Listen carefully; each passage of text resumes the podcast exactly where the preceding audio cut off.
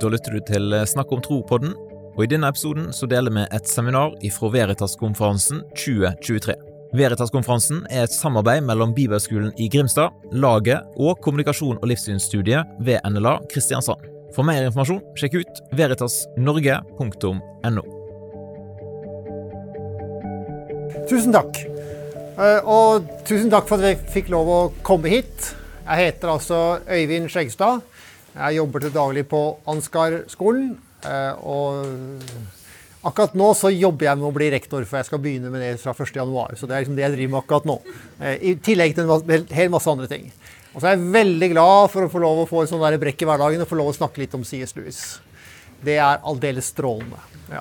Og vi skal jo snakke om dette her, da om, om synd. Det er jo et skikkelig bra tema. Men uh, vi skal prøve å pakke det ut litt. grann.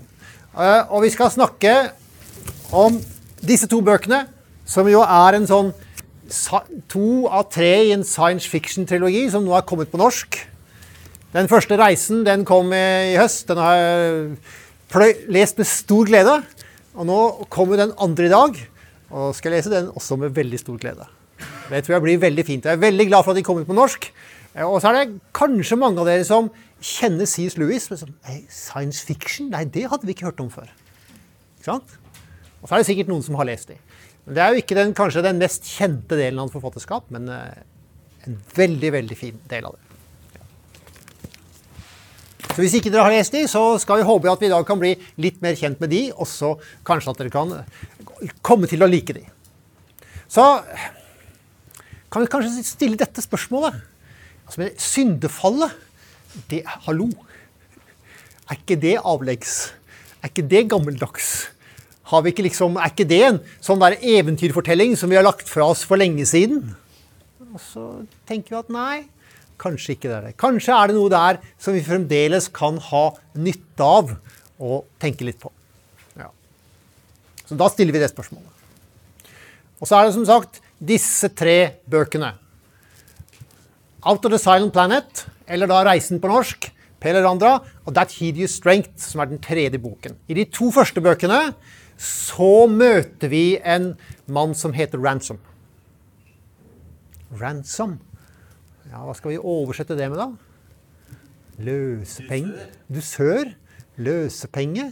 Et eller annet sånt. Dusør, kanskje? Ja, ikke sant? Eh, og så i, og vi skal følge han på to reiser ut, ut i verdensrommet. Og i den tredje boka så er det noen sånne aliens som kommer til vår verden. i Den tredje boka. Den skal vi ikke snakke så mye om i dag. Og som sagt så er de nå i ferd med å komme på, på norsk. De er skrevet eh, sånn omkring annen verdenskrig. Narnia-bøkene de kjenner vi, de skrev C.S. Lewis litt etterpå. Så dette var den første liksom sånn fiksjonsfortellingen, eller eventyr Nei, ikke eventyr. Fiksjonsfortellingen som han skrev. Eh, Og så kommer Narnia-bøkene etterpå. Ja. Og hvis du ikke har lest de heller, så kan du kanskje begynne med de. Ja. Ja. Og vi befinner oss um, i The Fields of Arbol som altså er solsystemet slik som det ser ut i denne verden som vi nå skal, nå skal nærme oss. Og her har vi det. Solsystemet. Og det er til forveksling likt vårt eget solsystem, men alle planetene har fått nye navn. Eh, Og det er dermed ny betydning. Og som sagt, vi følger denne um, Ransom. Og i Den første boka den begynner egentlig med at han blir kidnappet av en vitenskapsmann som heter Weston, og hans um, eh, kompanjong. Og Weston og han kompanjong de har greid å lage en maskin som kan reise i tid og rom. Og dette er jo før, vi liksom, det er jo før de første reise til månen, ikke sant? så det er fremdeles ikke noe som er virkelig når dette er skrevet. Og em, han har vært der en gang, han har funnet gull på denne planeten. Og nå vil han hente mer, og så har han jo møtt noen skapninger der som så både høye og farlige ut. Så han tenker at hvis han kan ta med seg en eh, jordboer og ofre disse skapningene, så kan han bytte dem mot gull. Det er liksom plottet, da. Så, så, Ransom han blir uh, overfalt, fanga og tatt med som fange til denne planeten.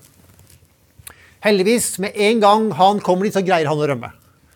Og så er det hvordan han opplever møtet med denne planeten, som den første fortellingen den handler om. Om Malekandra, som det heter. Altså Mars. Og på Mars så møter han noen forskjellige skapninger som ser helt annerledes enn oss mennesker. Han møter en, en sånn, en, en, en sånn slags edderkopplignende sak. Så møter han noen veldig høye, svære greier. Og så møter han eh, noe som, eh, som ikke, En hoss, den siste, som er en slags sel eller ot eller sånt, som ser ut som det. Og når han møter dem, så er det jo veldig skummelt. Men sakte, men sikkert skjønner at disse kan jeg kommunisere med. Og Ransom han er akkurat som uh, C.S. Lewis, han er filolog, han er språkviter. Derfor så lærer han seg med en gang språket og finner litt ut av, av, av, grammatikken. Og lærer seg å kommunisere med disse menneskene. Eller ikke menneskene, skapningene. Og det er det som er så spennende, for han møter altså skapninger som ser helt annerledes ut, men som har språk. Som har den ras samme rasjonelle liksom, eh, måten å tenke på som oss. Som lever i familie og har samfunn som er ordnet slik som oss. Altså Som på mange måter er veldig like oss, men allikevel veldig forskjellige. Ja. Og så lærer han om denne, denne verdens liksom, eh, kosmologi. Ja.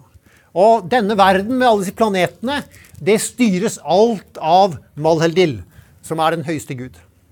Og Malheldil, han har utpekt en eh, Kanskje vi kaller det erkeengel for hver planet. En Orsa, som styrer planeten, og som er planetens overhode.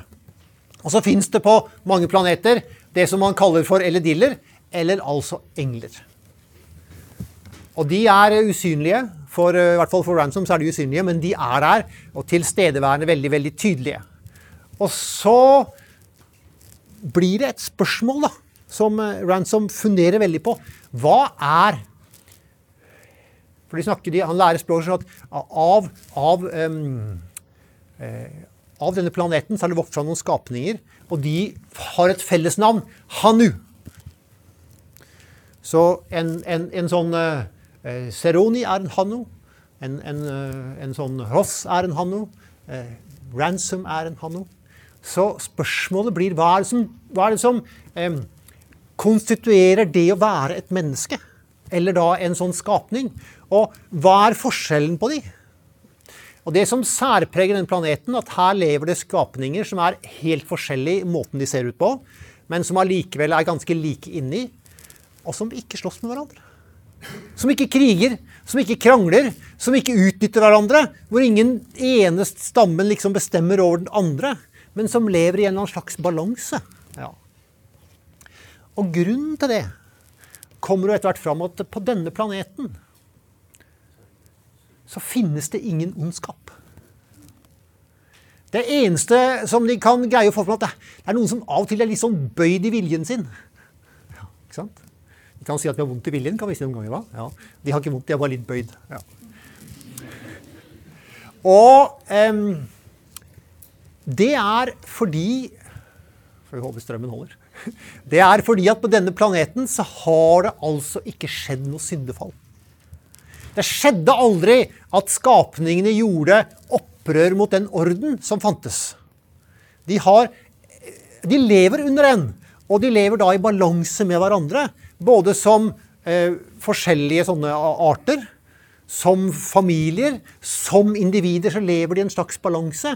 Som betyr at de har, de har det godt på alle måter. Og, men når disse Når da vår venn Ransom med sine kidnappere kommer til planeten, så kommer jo ondskapen inn på planeten. Og det første han herre gærne Vesten gjør, er jo å skyte en av disse skapningene. Og flere av de blir drept. Og disse her da, kidnapperne de kommer til planeten med ideen om at vi er jo mennesker. Altså er vi eh, har vi høyere rang eller høyere verdi enn disse andre skapningene. Altså kan vi gjøre med de som vi vil. Ja. Vi kan bruke disse skapningene eller skyte de eller ødelegge for de, for vi er jo mennesker. Vi har høyere verdi. Altså, det er den tanken som de har med seg. Og så forsøker de å, å behandle disse skapningene, sånn i Hoss og Serone og sånn, ja, litt sånn med um, ja, Stereotypen av en hvit mann som kommer til Afrika og tar med seg glansbilder for å liksom blidgjøre noen. Liksom. Den stereotypien bruker han for å, for å, vise. Og så ser vi hvor galt det går, for disse menneskene er minst like rasjonelle, minst like kloke, har minst like store ressurser, kanskje mer egentlig. Eh, og så blir disse menneskene avkledd. Ja. Og så blir ondskapen avkledd. Ja. Det er det som skjer. Og så, til slutt, da, så blir de jaget fra planeten, og Ransom velger å bli med dem og reise hjem til jorda igjen og oppsøker første pub og får seg en øl. Liksom for å, for å liksom lande etter det han har opplevd. Ja. Så det er den første reisen. Den andre reisen Da er det slik at uh, Ransom blir sendt bud på. Det kommer noen sånne engler eller, eller diller som kommer Har dere hørt den sangen til Knutsen og Ludvigsen? Krokofanter eller diller? Ja. Det er, en sånn en, kanskje. Ikke vet jeg. Ja. Han, blir ikke, han blir tilkalt. De kommer og henter han, og så reiser han da til Pelerandra, som da er, er Venus. Ja. Og mens han kom til den første planeten, mens den var egentlig mot slutten av sin sivilisasjon Sivilisasjonen der var i ferd med å nå sitt endemål. Den skulle etter hvert dø. Og ingen protesterte, for det var sånn det var. Det var liksom planen. Mens på Pellandra så kommer han inn på planetens dag én. Eller kanskje to. Planeten er akkurat skapt. Alt er helt ferskt. Og det fins én dronning og én konge. Og fiskere og fugler og greier. Altså en helt nyskapt planet. Og mens det var sånn på den første planeten, i den første fortellingen, at Ok, Her var fortellingen lang og gammel, og det som preget den, var at ok, her hadde ondskapen aldri fått fotfeste. Så kom vi nå inn i det derre skjæringspunktet, og så er spørsmålet For nå har vi, vi har to fortellinger. Vi har fortellingen om jorda, hvor syndefallet jo har skjedd. Eller Tellus, da, som det heter. Og alt det gærne som skjedde der. Og så har vi eh, Malekandra, hvor det ikke har skjedd noen ondskap. Og nå er, da er vi på nummer tre. Og så er spørsmålet da skal den planeten bli sånn som eh, Malekandra, uten ondskap, eller skal den bli sånn som vår, med ondskap? Så Ransom blir sendt dit for å være med å påvirke den prosessen. Skal det nå se et syndefall eller ikke? Og eh, Så han møter dronningen, eller The Green Lady, som hun heter. Og så er det da Ransom, vår, eh, vår, vår nå følgesvenn. Og så er det den gærne vitenskapsmannen Weston. Han kommer også til Pelanda. Han kommer litt etterpå. Og han er et menneske på utsida, men veldig mye etter hvert alt av det menneskelige inni han ser ut til å være borte. Han er liksom blitt et slags, bare et slags dyr inni seg. Ja. Vi kommer tilbake til det.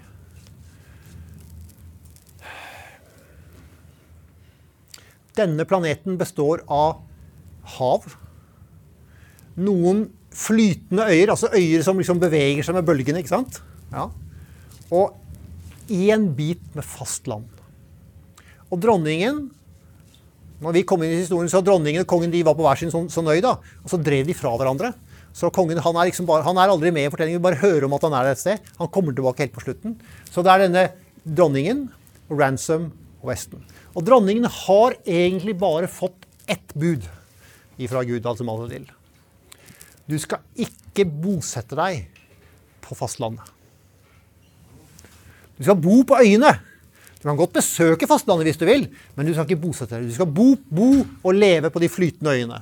Det var jo litt ubehagelig av og til når det var storm og sånn. ikke sant? Hvis du kan tenke deg nå, hvis du var på en sånn litt sånn flytende øy uti her. Ja, det hadde vært interessant. ja. Så, så eh, og så kommer jo han herr Vesten, og han sier at jo, men du må bo på det faste landet. Det er jo, det er jo mye bedre. Ja. Så den boka er bygd opp om tre, om tre, kamper. Først en verbal kamp. hvor da denne Vesten prøver hele tiden å over, overtale denne kvinnen. Altså, men hvis du gjør det, hvis du er litt ulydig, da blir du fri, sier han. Hvis du nå våger å ta et skritt på egne bein, og stå på egne bein og ikke gjøre som Gud har sagt, så vinner du deg sjøl. Ja. Mens uh, Weston sier at det er jo en grunn til at du har fått dette budet. Det er jo for at du skal kunne velge å følge Gud, altså maler til. Ja. Men gjennom den verbale kampen så En av de tingene som jeg sier, Vesten, Vesten har liksom ikke helt sånn menneskelige egenskaper lenger. og en av tingene Han trenger nesten ikke å sove. Så han diskuterer med denne, denne, kvinnen hele tiden. Ransom han må jo sove av og til. Så han taper hele tiden terreng i denne kampen. Ondskapen ser ut til å vinne. Det er sånn Åssen skal dette gå, egentlig? Det er knakende spennende, skal jeg si det. Derfor så kommer det en indre kamp hvor Ransom møter Gud, altså maler til, i en sånn indre samtale. Og så For det første så er det OK Tror du du, tror du at det at du har kommet hit til den planeten, var tilfeldig? Spør på en måte da Gud. Nei, nei, nei, jeg gjør jo egentlig ikke det, da. Ja. Tror du at det er tilfeldig at du heter Ransom? Ja, det hadde han ikke tenkt på. Og så sier da denne Gud, da Jeg har også et navn. Ransom. Det er mitt navn også. Så får vi fordi det som jo skjedde på vår planet, på Tellus, som Som heter jo Den stille planeten. Det er derfor den første boka heter 'Out of the Silent Planet'. Fordi de reiser fra vår planet og ut i verdensrommet. Og hvorfor er vår planet den stille planeten? Jo, det er fordi at den, eh, den erkeengelen som var her på Tellus, han gjorde en gang det der tok skrittet ut og sa nå vil jeg bestemme sjøl. Så sa Gud sånn skal det ikke være. Og så, mistet så, ble han, så ble han avskjermet fra resten av solsystemet og de, alle de andre planetene. Og, hører, og, de som bor på Malakandra og Pelandra, disse andre planetene, de hører ikke det lenger noe fra Tellus eller Tulukandra. For der er det stille. Ja. Og når, når Ransom da forteller om de ting som verden er på sin planet, om krig og, og prostitusjon og alt mulig rart som skjer her, så, liksom, så er det jo helt uh, også, Jo, så er det jo fordi at den stille planeten. Der har syndefallet skjedd. Der er opprøret skjedd. Så Og nå har jo denne ondskapen som dette syndefallet førte til, den har jo nå kommet til Pelleranda mellom den gærne vitenskapsmannen Vesten. Og så er spørsmålet skal han få lov å gjøre denne planeten også til en planet hvor ondskapen rår. Han sier jo at det er å bli fri. Han sier jo at det er å vinne frihet. Han sier jo at eh, når denne dronningen kan ta selvstendig valg og ikke stole på kongen og ikke stole på Gud, men bare på seg selv, så, så blir verden bra. Mens Random prøver å si at nei, det er faktisk motsatt. Det er lydigheten som gir frihet. Så til slutt, da så kommer det et punkt der hvor Ransom må bestemme seg. Skal du fortsette å kjempe mot ondskapen? Nå har han ikke sovet på 14 eh, dager, eller tre uker, eller mye der. Og han har fått juling både mentalt og, og intellektuelt og fysisk nå i ukevis. Eh, og, og åh, litt sliten. Ja. Og så kommer det spørsmål men, men hva, hva skal skje nå? Så må Ransom komme til det punktet hvor han kan si at jo, jeg vil av fri vilje velge å fortsette å kjempe. Og så kan Madel si ok, men da skal jeg, skal jeg, stå med deg på en måte i det. ikke sant? Og så kommer da den fysiske kampen hvor disse to faktisk kjemper på liv og død eh, over hele planeten. De, de, rir på fiske, de er, i, ku, i, de er i, i, huler, de er overalt. Til slutt da, så, så dreper Ransom Weston. Og med det så er liksom ondskapen beseiret. Men det må, altså ondskapen må beseires. Ja. ja. Og når det har skjedd, så kommer den siste delen av denne boka, som jo handler om at kongen og dronningen blir gjenforent. Kongen og dronningen blir eh, kronet, om du vil, som konge og dronning. Og det miraklet som skulle ha skjedd, og de, den plassen som de første menneskene skulle ha tatt, den blir nå inntatt for første gang på den nye planeten. Og så, er, så har vi da to planeter hvor ondskapen ikke har fått lov å seire. Ja. Den ene hvor det, vi vet ikke hva som skjedde, vi bare vet at der, der ble det aldri noe kamp. Der ble ordenen opprettholdt. Og så er det denne planeten hvor, hvor, det nå var kamp på liv og død, og hvor livet vant. Og så blir liksom eh, Så feires det som da har skjedd. Ok. Så det er de to, de, de to reisende som Ransom gjør. Han reiser først til Malakandra og møter denne verden hvor det ikke fins noe ondskap. Og Så reiser han til Pelandra, og så er han med på kampen for at ondskapen skal overvinnes. Og som jeg sa, på vår planet, altså Tellus, eller Tulkandra, så er det da Derfor er det stille. Fordi det, det er the bent one, altså den som har blitt bøyd. Det er han som regjerer her. Og vår verden er da uten styring og uten orden og uten balanse. Skal vi se hvordan det kan se ut. Før vi gjør det, så må vi ta et, et, et, et sidesprang og snakke litt om myter. Var det på forelesningen nå? Med, har dere hørt på den som var nå der nede? Noen av dere? Da snakket jo Alice Marcrat om det her med hvor viktig mytefortellinger var i Louis sitt eget liv. Og hvordan det med mytefortellinger var en del av hans oppvekst. Og hvordan han, når han ble kristen, fant ut at ja, men, jeg er jo blitt kristen, hva med disse gamle mytene? Kan jeg få det til å henge sammen på vis? Liksom at, og tolken lærte han det at ja, det henger sammen. Ja. Og det er noe av det som gjør, tenker jeg, at Louis har skrevet disse fiksjonsfortellingene. At han skjønte at ok, vi kan skrive nye fortellinger som kan gjenfortelle den kristne fortellingen slik at den blir mer levende for oss. Og um, Det er ei som heter Karen Armstrong, som har skrevet en bok som heter 'Mytenes historie'. og Hun sier det at mennesket har alltid skapt myter. Og Det kan vi se i alle kulturer. ikke sant? Der fins mytefortellinger. Og vi kan se det i, vår, i, vår, eh, i vårt samfunn òg. Vi skaper stadig mytefortellinger. Um, når et ekteskap går i stykker, så blir det med en gang en tre-fire fortellinger om hvorfor det ble, gikk som det gikk. ikke sant? Og hvor, hvem som hadde rett og sånn. Og det er sånne mytefortellinger vi skaper for å forklare det som skjedde da, med noe som har skjedd før. Ja, det var aldri meningen, eller et eller annet sånt. ikke sant? For eksempel. Eh, Putin har skapt en mytefortelling om Ukraina som rettferdiggjør krigen fra den side i kveld. Ja, ja. Så mytefortellinger, det driver vi med hele tida. Ja. Og hvor mange av dere har lest Narna-fortellingene? Ja. Dere som har lest de, eh, så, Men i den, eh, den, den, som heter The Voyage of the Drawn Trender, hva heter den på norsk? 'Reisen til ytterste hav', heter den. I slutten av den så møter vi to av disse barna som jo reiser mellom vår verden og Narnia. Lucy og Edmund. Og Da har de vært på en lang reise der sammen med Aslan, løven, som jo er bildet på Kristus og Gud i Narnia-fortellingen. Og så er det helt på slutten der, så sitter disse barna seg ned med, for å spise sammen med et, et lam.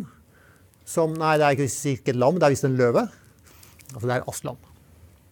Og så sier Aslan til disse barna nå er det siste gang dere er her i Narnia. Etter dette så skal dere aldri få lov å komme hit mer. Eller kommer ikke hit mer. Og det er kjempetrist. Ja. Og så sier, så sier, Lucy det er ikke det at de ikke kommer hit til Narnia, men det er deg, Aslan. At de ikke skal treffe deg mer. Så svarer Aslan ja, men hele vitsen med at dere har kommet hit og lærte meg å kjenne her, er at dere skal, skal, skal bli mer kjent med meg i deres egen verden. Og det er liksom Nøkkelen til disse fortellingene er at ved å reise inn i en eh, fantasiverden, en fiksjonsverden, så kan vi få se hvordan ting kunne være, eller burde være. Så kan vi ta med oss det tilbake til vår verden, så kan vi kanskje for, for, forstå vår verden på en litt ny og bedre måte. Det er liksom hele vitsen med å skrive disse, mytefortellingene. At vi skal få lære oss mer om hva sannhet er, hva det gode er, hvem Jesus er, hva han har gjort for oss. Det lærer vi gjennom disse mytefortellingene. Det er det som er Louis sitt ønske, da, at vi skal det. Og øh, gjennom å gjenfortelle mytene så kan han hjelpe oss rasjonelle mennesker å kjenne sannheten. Så mytefortellingene de er der for at vi skal forstå verden bedre og forstå hvordan det kunne vært og burde vært.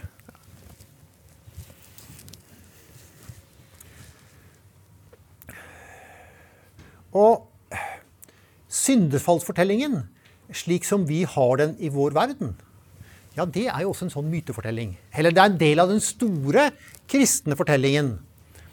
Og da må vi C.S. Lewis han skriver i et, en veldig kjent essay som heter 'Myth became fact'.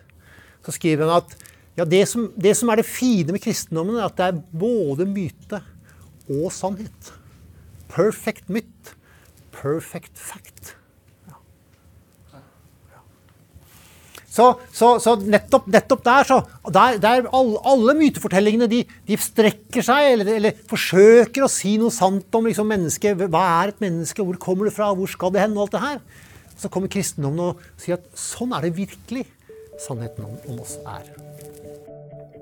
Ønsker du å lære mer om kristen tro, og kanskje ha en digital dialog med en kristen e-coach? Sjekk ut nettkursene på kurs.omgud.nett. Eller kanskje kjenner du noen som kunne hatt glede av et sånt nettkurs? Da håper jeg at du har lyst til å sende deg et tips om den muligheten. Nettkursene er selvfølgelig 100% gratis.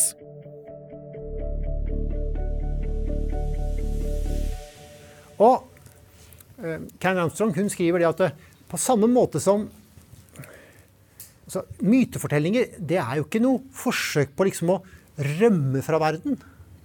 Eller å, eller å ikke, ikke, akseptere verden slik den er. Nei, det er nettopp gjennom mytefortellingene så kan vi forstå verden bedre og leve mer intenst i de, skriver hun. Og Så kobler hun det at mytefortelling og virkelig verden det henger sammen. Og Det er akkurat det sier Lewis gjør. Han sier at dette hjelper oss med å forstå vår verden.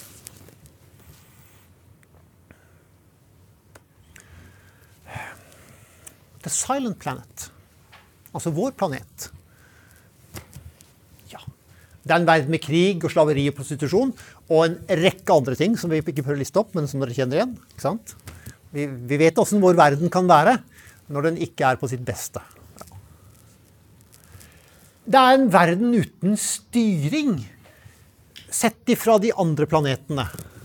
Fordi at på Vi skal, vi skal gjøre sånn først. Bare, det er fra boka. Det er fordi de ikke har noen Orsa. Nå er vi på Malekandra. Så snakker de om hva er det egentlig som skjedde på jorda på Tulukandra, og hvorfor er det så gærent der, og hvorfor er det stille? Derfor hver av dem ønsker å være en liten Orsa selv. Altså vi ønsker å være små guder selv. Ja. De kan ikke noe for det, sa den gamle. Det må være noen som styrer. Hvordan kan skapningen styre seg selv? Altså, Det er et retorisk spørsmål, men svaret deres er at det går jo ikke an.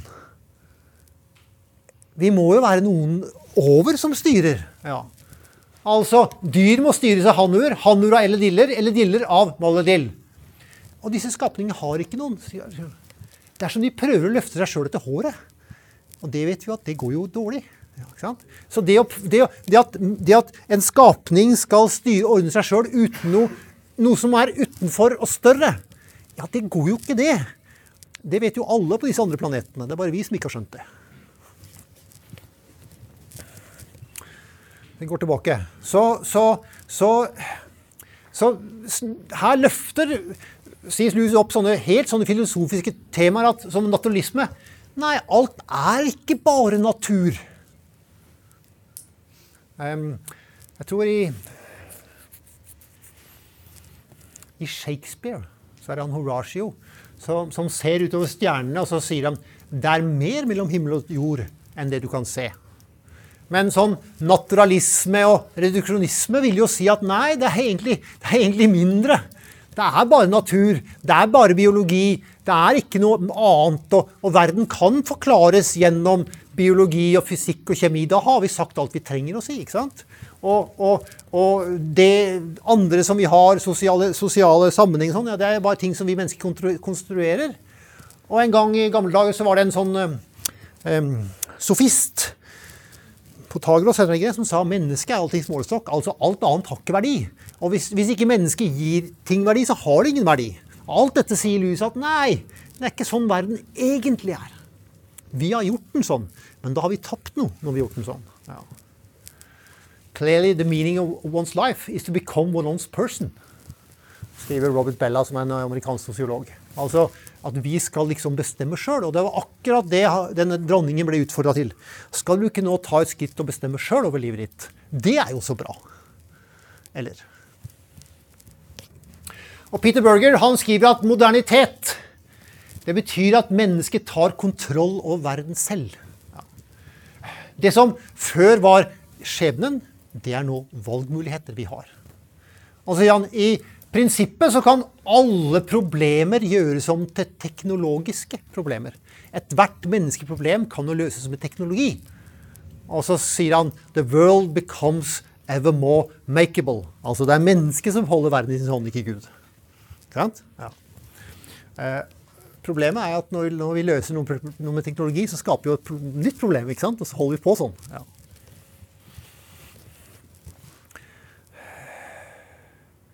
Så det, å, det som har skjedd med vår verden, ifølge disse skapningene på de andre planetene, da, det er at vi jo tok et skritt ut av Guds vilje inn i Into nowhere. Into silence. Utstøtt. Lukket. Vekke. Ja. Overlatt oss sjøl. Og det går skikkelig bra, gjør det ikke?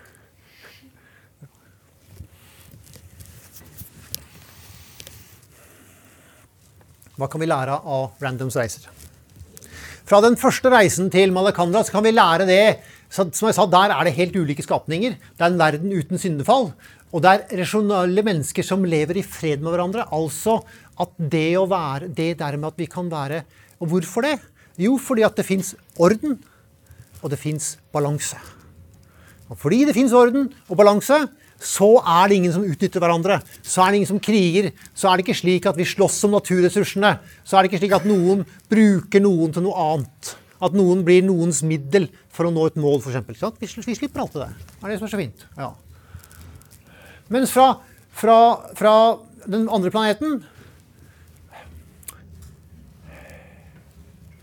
er å bryte budet og bli selvstendig. Eller er det å holde budet, som er å være fri? Ikke sant? Så da lærer vi at nei, det er lydighet som gir frihet. Det er å velge å tilhøre som gir mening. Det er å stole på som gir fri vilje.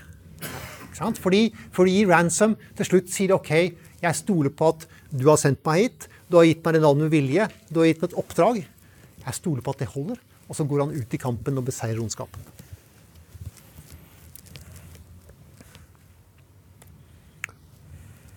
Så hva forteller syndefallet oss?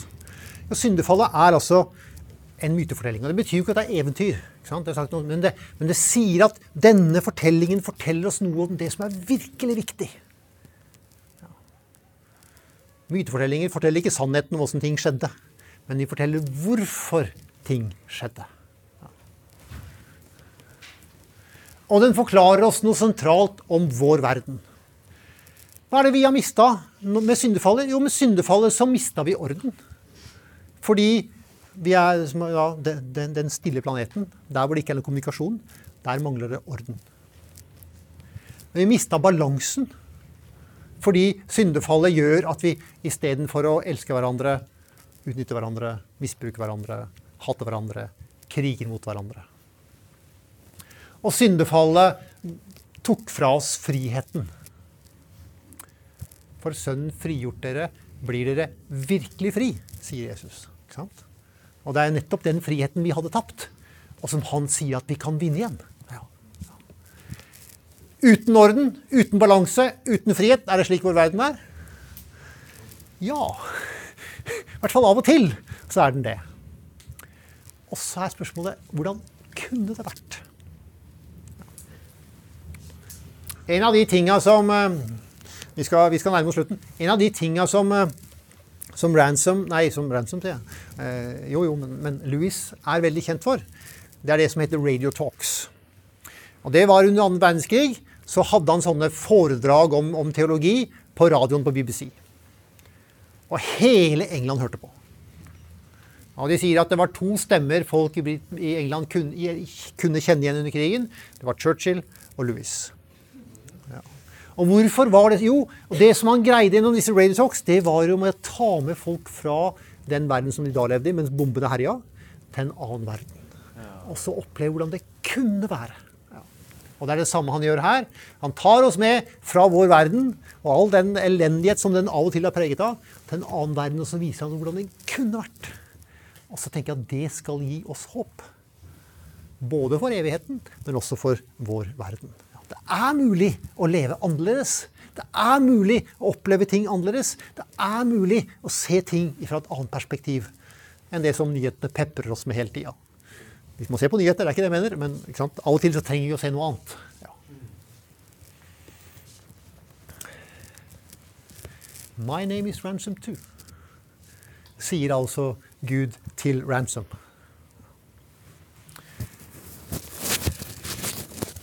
Ransom måtte komme til det punktet hvor han så utover seg selv, hvor han så at det er ikke du som står i sentrum her, lille mann fra jorda som nå er sendt en annen planet. Du er større, del av en mye større plan. Der fins en hensikt og en mening. Du har faktisk noe å leve for som ikke du har funnet på sjøl, men som, no, som, noen har gitt deg. Altså, du har fått det fra din skaper. Det tenker jeg vi trenger. Å skjønne det at vi har noe i vårt liv som ikke bare kommer fra oss, men som kommer utenfra. Og som gir oss hensikt og mening. Derfor så kunne han velge sjøl. Og det er viktig at vi har fri vilje. Men det betyr at vi blir ikke tvunget. Vi blir ikke kommandert. Vi skal ikke bli manipulert til noe. Nei, vi skal velge selv, men det jeg velger, er jo å knytte meg til noe. Altså til Kristus. What happened and what did not happen. Fordi det på vår verden, i vår verden skjedde det der mirakelet at eh, Gud ble en, som en av skapningene, altså ble menneske, og beseiret ondskapen. Fordi det skjedde på vår planet. Så kunne nå denne nye planeten få liksom et nytt forsøk og starte på nytt. Og der kunne det nye mirakler skje. Altså at eh, kongen og dronningen ble konge og dronning, fikk regjere over verden, fikk den friheten og det kallet som de skulle få. Altså sånn som det egentlig var tenkt den gangen for lenge sida. Ja. Så i dag, etter Ransoms seier, altså på denne planeten, så, så ble verden født. Og, og den, den, siste, den siste, siste, delen av den andre boka heter The Great Dance. Og, og det er for at her feirer vi og, selv, og det som har skjedd nå, at ondskapen er overvunnet. Og Det er veldig vakkert. Det er veldig fint. Det blir veldig spennende å se hvordan det er på norsk. For eh, det er noen, sånne, noen ting her som jeg håper Veldig spent på hvordan de oversetter dette på slutten, for det tror jeg blir knakende gøy.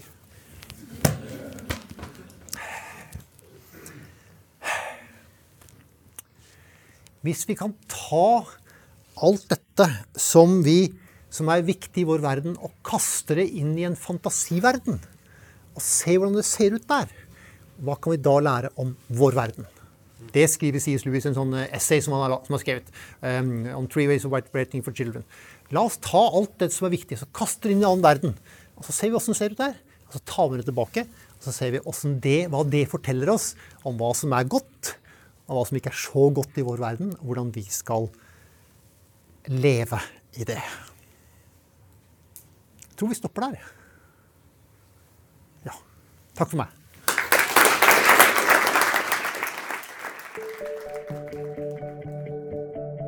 Vil du lære mer om kristen trosforsvar?